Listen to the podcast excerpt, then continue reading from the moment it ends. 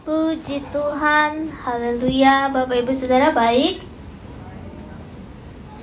Astaga nggak ada suaranya nih. Bapak Ibu Saudara baik? Ini kalau naik kapal miring ke kiri nih ya. Karena di sini banyak, di sini sedikit. Oke. Ya pindah satu lumayan. Uh, Malam hari ini uh, acaranya KKR katanya ya. Terus tulisannya apa sih? Kesaksian. Ntar saya lihat dulu ya di uh, tulisannya nih yang Pak Galung kirim ke saya. KKR keba kesaksian kebangunan rohani. Oh iya. Jadi tugas saya adalah bersaksi begitu mujizat yang menyembuhkan. Bapak Ibu Saudara saya mesti luruskan dulu nih. Dibilang mujizat yang menyembuhkan. Uh, mujizat itu apa sih? Halo? Mujizat itu apa sih? Itu mah cuma terjemahan dong miracle Miracle Center. Muzizat, muzizat itu uh, biasanya kita berpikir adalah uh, datang kepada Tuhan sakit disembuhkan, datang kepada Tuhan um, uh, kesembuhan terjadi. Jadi tidak pakai dokter, tidak pakai rumah sakit, kesembuhan terjadi. Nah kalau saya kan pakai dokter ya, ini termasuk uh, muzizat apa enggak Bapak Ibu Saudara? Ini jawab yang betul dong. Saya kan nggak pede nih mau bersaksi. Termasuk ya? Kenapa termasuk? Karena sembuh. Oh iya. Bagus loh. Soalnya ibu nggak meninggal. Astaga. Oke. Jadi uh, saya cerita dulu dari awal karena ini kesaksian saya jadi lebih banyak cerita ya. Oke. Jadi tahun 2017 sekitar bulan Maret uh, saya ke dokter. Kenapa ke dokter? Karena sering sekali uh, kepala saya sakit. 2017 saya ke dokter bulan Maret kurang lebih. Terus uh, dokternya suruh saya uh, CT scan. CT scan itu masuk ke dalam satu tabung ya uh, dengerin ditutup telinganya terus uh, di scan uh, kepalanya. Kemudian uh, ditemukanlah uh, namanya tisu. Uh, jenisnya tumor jinak. Kalau bahasa kedokterannya kok saya lupa ya? Hema hemangioma kalau nggak salah maaf ya nanti saya lihat lagi. Uh, jadi ada tisu uh, yang di kepala sebelah kiri uh, bagian belakang. Uh, ya. Seperti ya seperti tisu gitu bentuknya acak-acakan begitu ya. Terus dokternya bilang it's okay. Kalau kamu Uh, nanti periksa lagi enam bulan lagi. Kalau tidak berkembang it's okay. Gitu ya. Ternyata uh, periksa lagi oh nggak berkembang. It's okay kan? Uh, tidak berkembang. Fine gitu. Terus ya paling sedikit kadang-kadang pusing kadang-kadang sakit. Kemudian mata kiri saya otomatis menjadi lebih buram daripada mata kanan. Jadi kalau dilihat kacamata saya yang kiri lebih tebal daripada yang kanan begitu. Terus terus berlanjut sampai tahun 2019 eh, sakitnya mulai disertai dengan eh, mual, muntah karena mual dan muntah akhirnya pergi lagi ke dokter tahun 2019 eh, sama tuh CT scan lagi, disuruh CT scan lagi sama dokter. Kemudian setelah di CT scan, uh, dokternya bilang, uh, oke okay, Debbie, mari kita bicara serius katanya. Kenapa serius nih ya? Uh, dokternya bilang uh, ini udah uh, berkembang lebih lebar jadi sebelumnya itu sekitar 3 cm ya kayak pulau Kalimantan begitu ya bentuknya uh, uh, begitu. Uh, di 2019 itu sudah membesar lebih kurang uh, 5 4 sampai 5 cm so dokternya bilang uh, bisa berkembang lebih uh, besar lagi. So lebih baik sekarang di kemote uh, bukan uh, radiasi disuruh radiasi.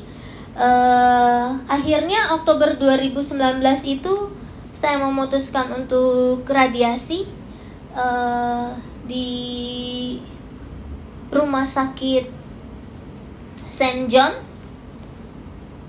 Kok lupa ya daerahnya mana? Saint John Private Hospital. Kenapa saya pilih private? Karena waktu itu ketika masuk ke public hospital itu harus tunggu enam bulan baru boleh radiasi kalau mau menggunakan Medicare. Jadi harus tunggu antrian. Kurang lebih antriannya dapat enam bulan. Uh, saya pikir terlalu panjang waktunya, terlalu lama. Akhirnya saya pergi ke uh, Saint John, terus uh, di nama bagusnya adalah gamma knife. Nanti searching sendiri ya. Gamma knife. Jadi di radiasi e, begitu e, istilahnya gamma knife pakai sinar gamma gitu dimasukin ke mesin ya sama seperti mesin CT scan dimasukin terus dikasih sinar gamma dipakai alat supaya itu habis dan uh, hilang tisunya itu hilang ya. Uh, waktu itu dokter bilang ini uh, tumor jinak di kepala yang membesar, jadi harus menggunakan uh, radiasi. First stepnya radiasi. Uh, setelah itu radiasi dilakukan tiga kali. Satu kali radiasi itu 2000 dolar tiga kali berarti 6000 dolar dan nggak boleh dan nggak pakai Medicare karena saya pakai uh, private uh, hospital. Uh, saya bicara dulu ya perasaan saya. Uh, karena kalau sekarang saya ketawa-ketawa nih ceritanya. Tapi waktu itu saya ada di titik yang paling rendah dan sangat rendah jadi ya seperti yang saya bilang saya lihat anak saya saya nangis. Saya lihat bapak saya nangis gitu ya. Saya lihat rekening tabungan nangis. Karena radiasinya mahal. Kemudian uh, saya tidak bisa bilang banyak sama orang karena uh, banyak orang bilang bahwa sakit tumor itu um, mengancam nyawa. Jadi yang saya sangat takut dengan kematian. Bukan karena nggak nggak mau menghadap Tuhan, bukan gitu ya. Tapi uh, saya lihat, aduh anak saya masih kecil waktu 2019 itu saya lupa umurnya berapa ya 9 tahunan.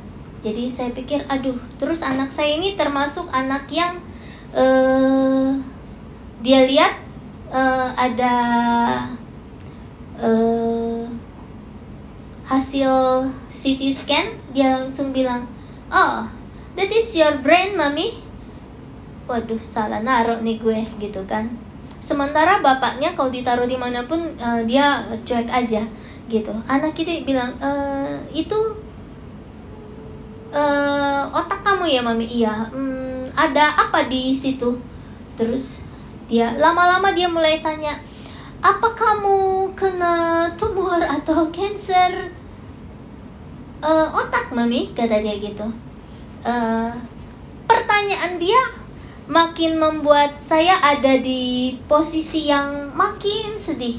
Jadi memang e, kerjaannya nangis terus gitu ya nangis nangis nangis. Dan pada saat itu yang ada di dalam pikiran saya adalah satu dosa apa ya saya sampai uh, sakit seperti ini gitu. Uh, yang kedua Tuhan kalau saya dulu berdosa saya udah minta ampun nih. Bahkan dari zaman saya uh, sebelum menikah sampai sekarang nih saya hidup di ladangnya Tuhan melayani Tuhan. Uh, ada pertanyaan bahwa kenapa sih terjadi dalam kehidupan saya? Saya sempat bilang saya kurang apa Tuhan uh, melayani Tuhan selama ini gitu. Pik, salib apa lagi yang harus uh, saya pikul? Uh, ada perasaan seperti itu uh, mungkin banyak di antara jemaat yang cuma tidak tahu dengan jelas karena saya memang nggak berani bicara karena betul-betul ada di dalam uh, ketakutan. Jadi uh, dalam posisi melayani Tuhan bahkan berkhotbah pun saya bilang aduh saya nggak bisa khotbah nih karena bagaimana saya menyampaikan firman Tuhan kalau saya sendiri ada dalam keadaan uh, sakit. Bagaimana saya bisa menyampaikan kebaikan Tuhan kalau saat ini saya merasa tidak ada kebaikan Tuhan dalam kehidupan saya? Uh, itu terjadi uh, cukup panjang. Tetapi setelah tiga kali radiasi itu saya berharap Tuhan saya klaim semua janji Tuhan yang ada di Alkitab saya bilang Tuhan engkau sembuhkan wanita sakit pendarahan engkau sembuhkan karena saya banyak baca firman Tuhan jadi saya tahu banyak ayat dan saya bilang Tuhan engkau sembuhkan yang sakit buta, engkau uh, buat orang lumpuh berjalan. Tuhan bahkan di kitab Korintus ada orang juga sakit kanker, Tuhan sembuhkan. Kenapa? Saya enggak. Gitu. Uh, itu uh, terus ada di dalam hati dan pikiran saya. Akhirnya di ketika selesai radiasi, selesai gamma knife, um, bulan Februari setelah tiga bulan uh, lewat diperiksa lagi di uh, CT scan lagi. Jadi saya tuh bolak-balik CT scan gitu. Jadi belajar. Saya bilang Tuhan ini CT scan apa? Saya belajar untuk masuk peti gitu ya. Ada rasa seperti itu. Uh, CT scan lagi kemudian uh, saya berharap udah nggak ada nih gitu ya. Tapi ketika ketemu dokter dokter bilang Debbie uh, ayo duduk. Ya saya duduk lagi. Hmm, ini uh, tidak hilang berkembang lagi gitu ketika dibilang berkembang lagi terus saya bilang sekarang jadi apa dokter sekarang jadi brain cancer. Oke. Okay. Terus uh, saya bilang, saya harus lakukan apa? Karena kamu sudah lewati uh, radiasi, sekarang coba ya kemoterapi atau operasi. Mana yang kamu mau pilih? Uh, saya tanya resikonya kalau operasi apa? Kalau uh, kemoterapi apa kalau operasi ya um, ada resiko sedikit uh, brain injury karena ini bentuknya tisu yang harus dicopotin kecil-kecil bukan yang bulat atau berbentuk seperti kista. Ini ini karena tisu dia harus diambilin sedikit-sedikit. Hmm, bisa kena mata sebelah kiri jadi buta. Uh, bisa juga ah ke kelumpuhan badan sebelah kiri gitu ya. Itu uh, resikonya. Kalau kemoterapi ya dimasukin racun ke dalam tubuh sehingga semua sel yang baik dan yang buruk ikutan mati, sel kanker mati, sel yang baik juga mati sehingga ya akan terjadi uh, kekeringan kulit, uh, keguguran rambut, uh, itu. Terus kamu akan selama masa kemoterapi itu ya akan terus menerus mual, sakit, kedinginan. Hmm, uh, nyeri di seluruh tubuh gitu. Mana kamu mau pilih?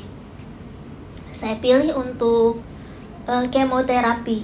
Kembali lagi, ketika saya mau gunakan Medicare, antri lagi kurang lebih enam bulan. So saya uh, akhirnya uh, ke rumah sakit uh, Saint John lagi ke private hospital lagi. Dan kalau sekali uh, waktu itu enam kali treatment uh, saya minta yang oral kemoterapi. Karena kalau kemoterapi menggunakan infus saya harus stay di rumah sakit sekitar sampai 5 jam saya nggak mau anak saya tahu saya nggak mau uh, suami saya tahu karena saya tahu dia Eh, nggak uh, bisa hidup tanpa saya. Ya. Jadi uh, saya mau saya antar anak saya sekolah uh, seperti normal atau saya ada di rumah so dia pulang sekolah dia lihat saya ketemu sama saya itu yang saya mau. Jadi uh, pakai oral kemoterapi dan itu uh, lebih mahal lagi di di bulan Mei 2020 dan saat itu adalah masa Covid. So dokter antar bukan dokter sih. Ya ada drivernya yang antar karena saya nggak boleh ke hospital saat itu. Kita ingat gak kondisi saat itu? Kita nggak boleh ke mana-mana, di rumah terus. Um, obatnya diantar, uh, diminum, diminum dan mulailah uh,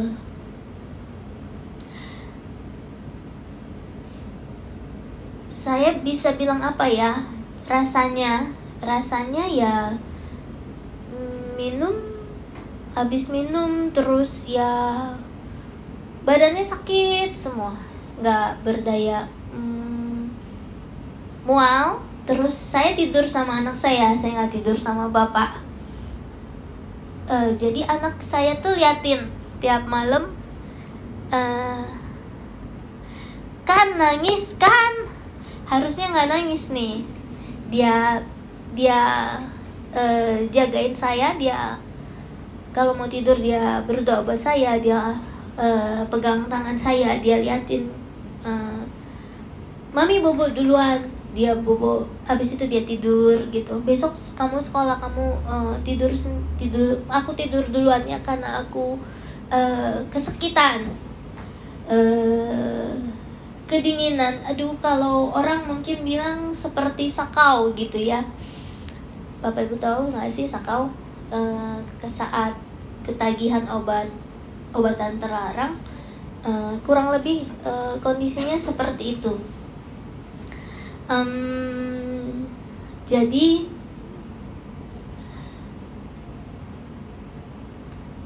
uh, bangun tidur uh, sulit, jalan juga sulit.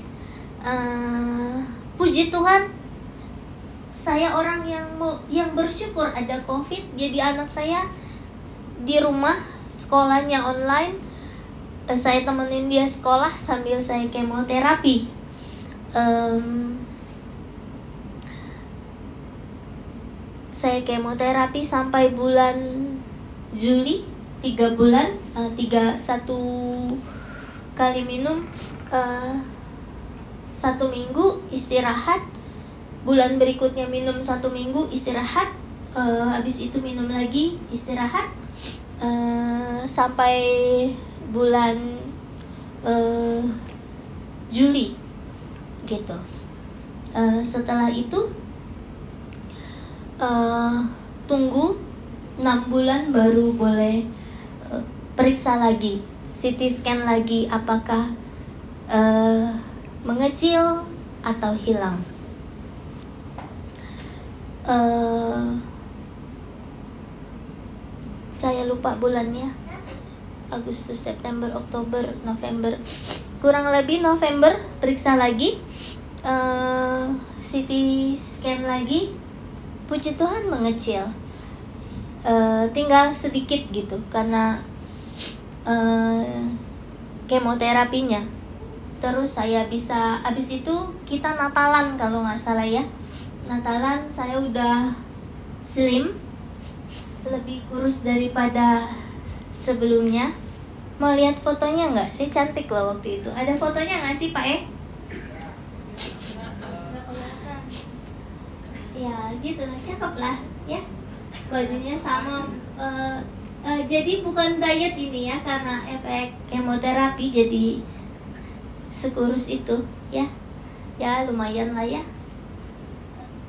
Kenapa saya gendut banget ya waktu itu? Ya uh,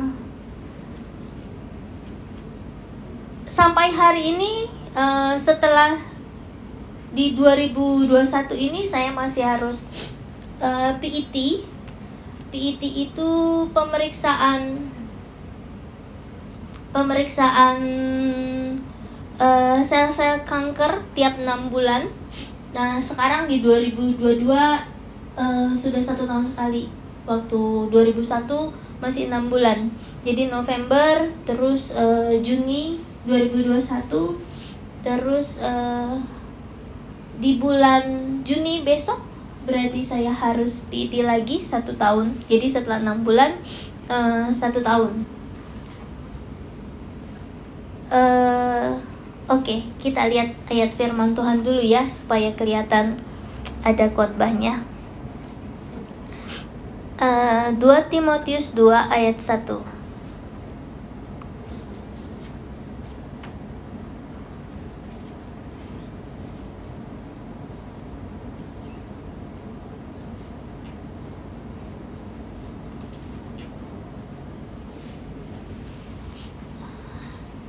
Alkitab bilang, "Sebab itu, hai anakku, jadilah kuat oleh kasih karunia dalam Kristus Yesus."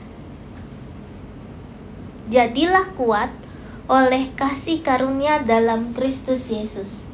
Jadi, kalau saat itu dibilang, e, "Ibu, ibu kuat ya?" Ya nggak kuat gitu. E, ibu, ibu hebat ya? E, enggak gitu karena Alkitab bilang jadilah kuat karena kasih karunia, bukan karena kita kuat. Uh, uh, saat itu saya uh, waktu sakit itu saya nggak bisa bicara sangat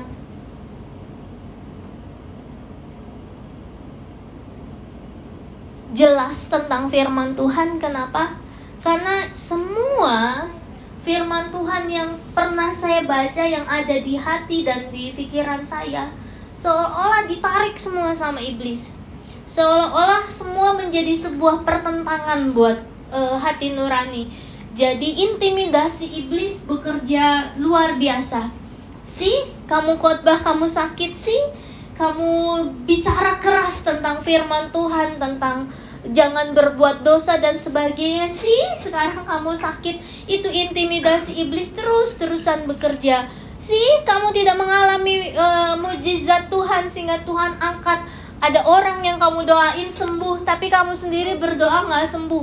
Bahkan kamu harus sembuh dengan cara jalan medis bukan jalan mujizat.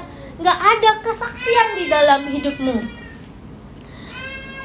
Dan ketika uh, itu intimidasi iblis sedemikian kerasnya mana orang yang kamu doain dulu? Mana oh, firman Tuhan yang berkuasa? Oh saya klaim banyak hal sampai sampai sampai saya sempat bilang sama Tuhan begini Tuhan. Waktu di 2019 itu saya bilang Tuhan uh, engkau pernah sembuh panjangkan umur Hiskia sampai 14 tahun. Terus at the time saya bilang Tuhan ya udah sesuai firman Tuhan. Saya apa tambah sampai 14 tahun udah cukup dari 2019 itu. Jadi Ken saya hitung sampai Ken 18 tahun that's enough gitu. Dia udah legal secara usia di uh, Australia. That's enough. Mulai saat itu saya nabung di rekening Ken banyak-banyak supaya kalau saya mati anak saya udah punya uang gitu ya. Pikirannya kayak gitu. Uh, saya tabung tabung tabung di rekening dia. Terus saya bilang kamu punya uang. If someday something bad happen uh, saya sampai ajarin anak umur 10 tahun saya bilang nanti kalau kamu 18 tahun kamu mau sekolah kamu bisa apply ke Centerlink kamu bisa sekolah terus nanti kamu kerja kamu bayar. Uang yang mami simpan buat kamu kamu beliin. Kamu kasih down down payment untuk rumah ya atau apartemen. Terus anak saya bilang oke okay, mami oke okay, mami. Jadi uh, itu yang saya buat uh, saya kasih tahu uh, sampai saya kasih tahu pin uh, my golf saya dan sebagainya thank you brother Sister. Sister ya. Ya.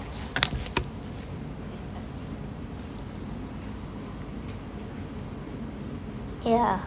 Uh, saya saya kasih tahu itu. Uh, saya udah juga. Jadi sebelum saya urus Opa Chang meninggal saya juga udah cari peti. Saya udah cari biaya untuk meninggal. Udah udah siapin itu. Um, terus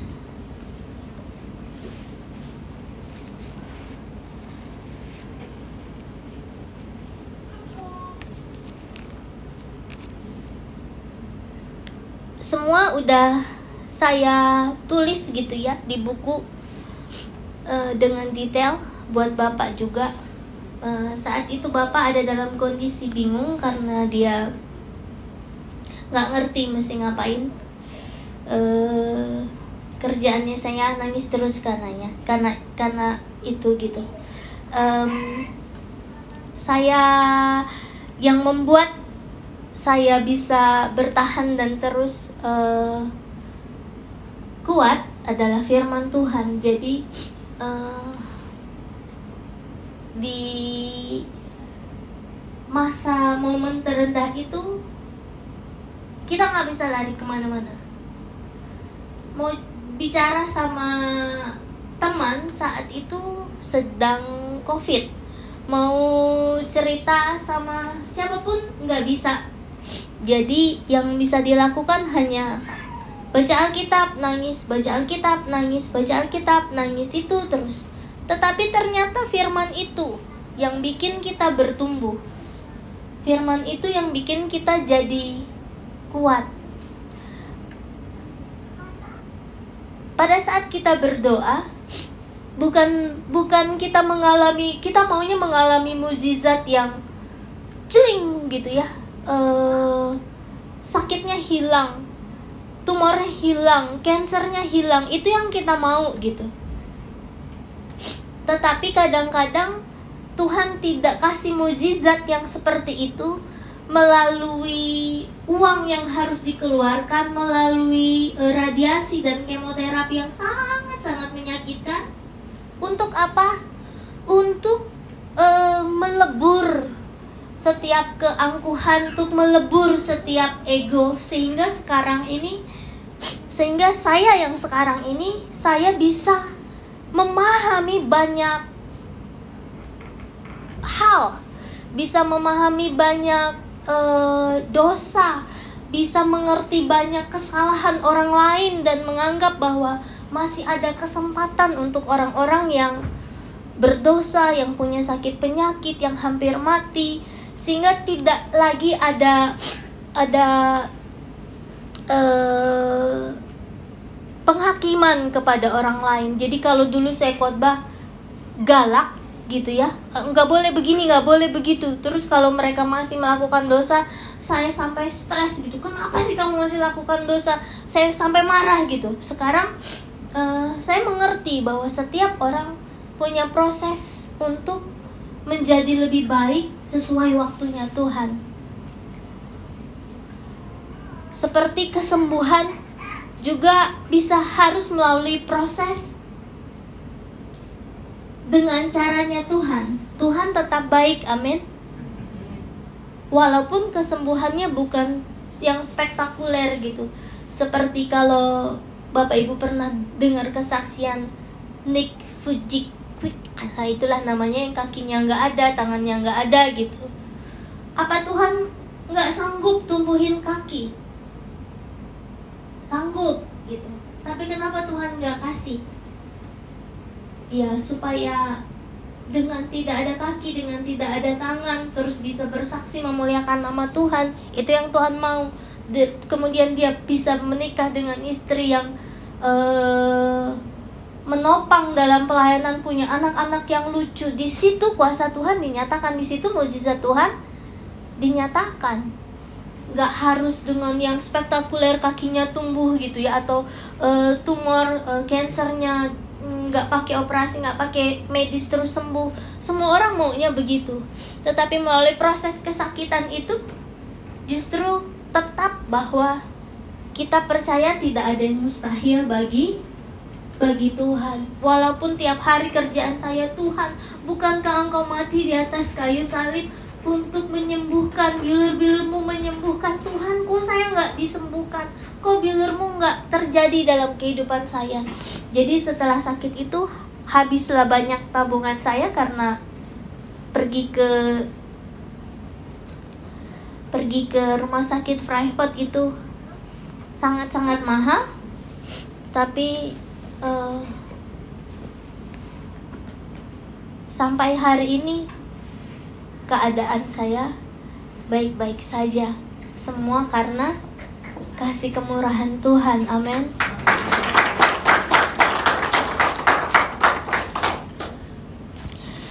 Uh, kesaksian kebangunan rohani. Saya berdoa apa yang saya saksikan malam hari ini uh, bisa memberkati Bapak Ibu Saudara bahwa mukjizat nggak selalu datang dari uh, sesuatu yang spektakuler. Wah, nggak di nggak ke dokter sembuh. Kita semua mau itu. Tapi kalau memang Tuhan izinkan, uh, kita harus melalui proses kesakitan yang panjang. Ya jalan nih, karena Yesus pun uh, mengalami hal yang sama, gitu. Yesus pun mengalami hal yang sama. Um, harus melewati penderitaan yang uh, sebegitu beratnya dan dia melewati itu. Siapa kita? Kita mau memilih jalan kehidupan seperti yang kita rancangkan. Kita harus percaya rancangan Tuhan selalu baik buat kehidupan kita. Amin. Jadi uh, yang saya mau bilang malam hari ini Udah 30 menit belum sih? Kayaknya udah ya Waktu saya cuma 30 menit nih uh,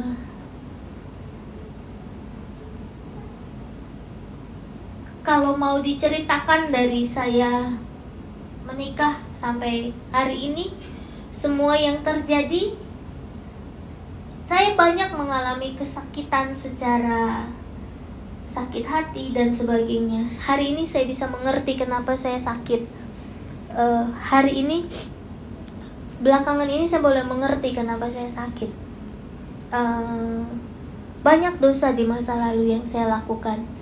Ya, banyak sekali dosa yang saya lakukan sebelum saya bertobat sungguh-sungguh ketika ketemu dengan Bapak. Jadi sebelum beberapa bulan sebelum berjumpa dengan Bapak, hidup saya masih di dalam kegelapan. Anak pendeta tapi hidup dalam kegelapan.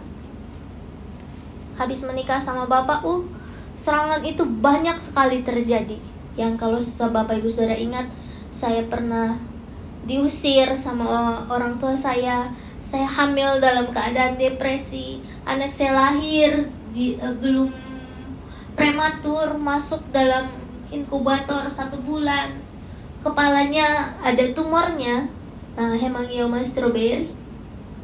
Terus waktu itu saya bilang Tuhan boleh nggak pindahin dia punya tumor ke kepala saya? Supaya dia nggak tumor saya yang tumor aja. Dan betul ketika saya pergi ke Australia dia punya tumor kempes. Uh, umur dia tiga tahun waktu itu sebesar Mika. Terus kempes udah rata aja gitu tadinya timbul di kepala ternyata itu dipindahin betulan sama Tuhan di tahun 2017 ke kepala saya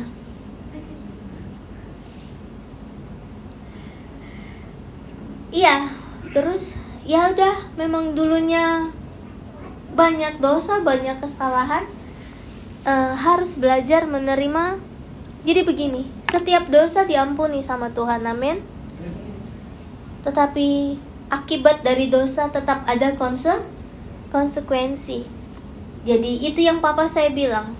Jadi saya punya bapak gembala dulu cancer khusus. Dia bilang sama saya sebelum saya ke Australia, saya ketemu dia nggak lama uh, beliau meninggal. Dia bilang, Debbie, ini Om hamba Tuhan, Om kanker usus dia bilang. Ada dosa yang harus dibayar konsekuensinya saat Om hidup sekarang. Beliau meninggal tanpa disembuhkan Tuhan.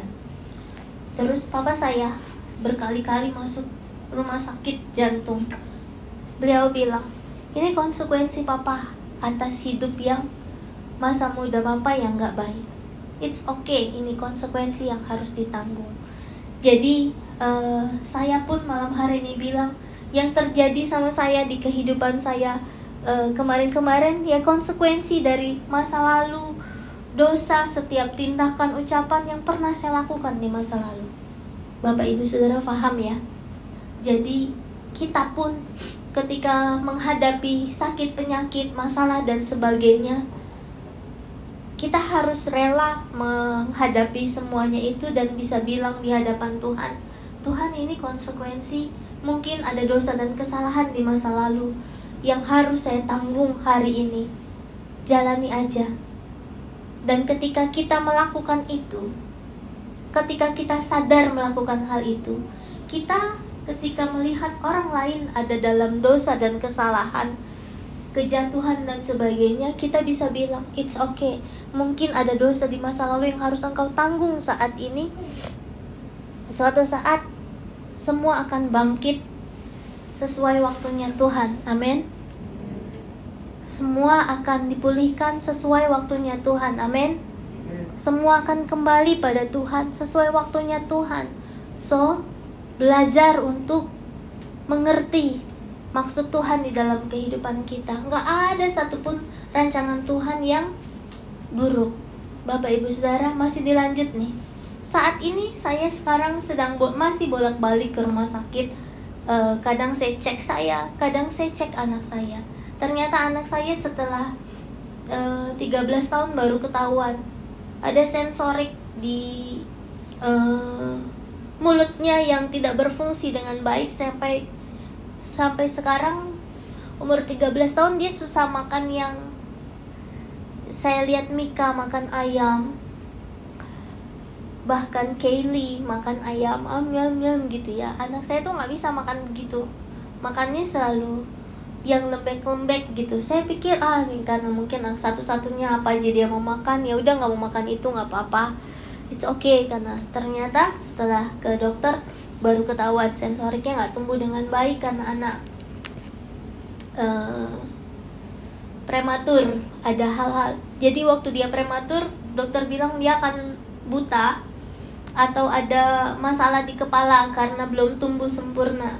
Oh enggak ternyata mata dia bagus otak dia bagus.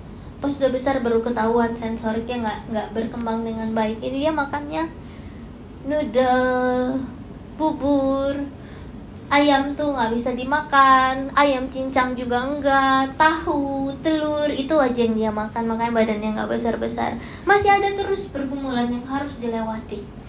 Jadi itulah hidup. Kita harus mau menerima yang baik dari Tuhan, tetapi yang buruk pun kita mau harus mau terima sebagai sebuah konsekuensi dari apa yang dilakukan kita di masa lalu. Waktu saya urus uh, uh, pajak kedai kampung, Pak Suba bilang, e, Bu siap-siap bawa dokumen kalau kalau ditanya kenapa ibu nggak bayar-bayar pajak sampai tiga tahun, siapin ya surat-suratnya. Oh saya siapin gitu ya. Tapi e, ternyata nggak diperlukan, nggak diminta apa yang Tuhan mau bilang.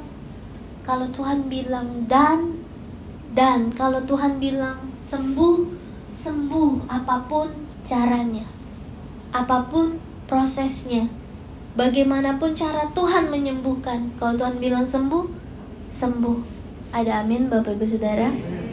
Jadi uh, saya berharap kita akan melihat apakah Tuhan kasih sampai 14 tahun Bapak Ibu Saudara hitung ya dari 2019 sampai ke 18 tahun atau lebih panjang lagi see what happen yang Tuhan perbuat apa pun yang Tuhan perbuat buat kehidupan kita bah baik uh, ini aja uh, kesaksian yang saya bisa sampaikan uh, malam hari ini. Full uh, story saya belum pernah saksikan ini secara lengkap. Uh, saya merasa hmm, nggak hmm, tahu kapan harus menyampaikannya tapi tiba-tiba Pak Galung bilang ibu kita bikin kesaksian kebangunan rohani dari cerita ibu ya. Oh puji Tuhan ada media ternyata buat uh, kita mengerti bahwa kadang mujizat Tuhan bukan sesuatu yang spektakuler tetapi uh, sekarang Debbie menjadi Debbie yang seperti ini karena kasih Tuhan sehingga saya tidak mudah. Saya mudah sekali memaafkan orang. Saya mudah sekali uh, memahami orang kenapa karena saya tahu Tuhan sudah banyak lakukan yang baik buat kehidupan saya saya berharap jemaat Tuhan juga mengerti hal ini sehingga satu dengan yang lain saling mengasihi, saling mengampuni, menyelesaikan setiap persoalan dengan baik terhadap suami, istri, karena itu yang Tuhan mau. Karena tidak ada orang yang tidak pernah melakukan dosa. Puji Tuhan, saya serahkan kepada kepada siapa nih? Kepada Bapak Gembala deh ya, supaya bisa berdoa.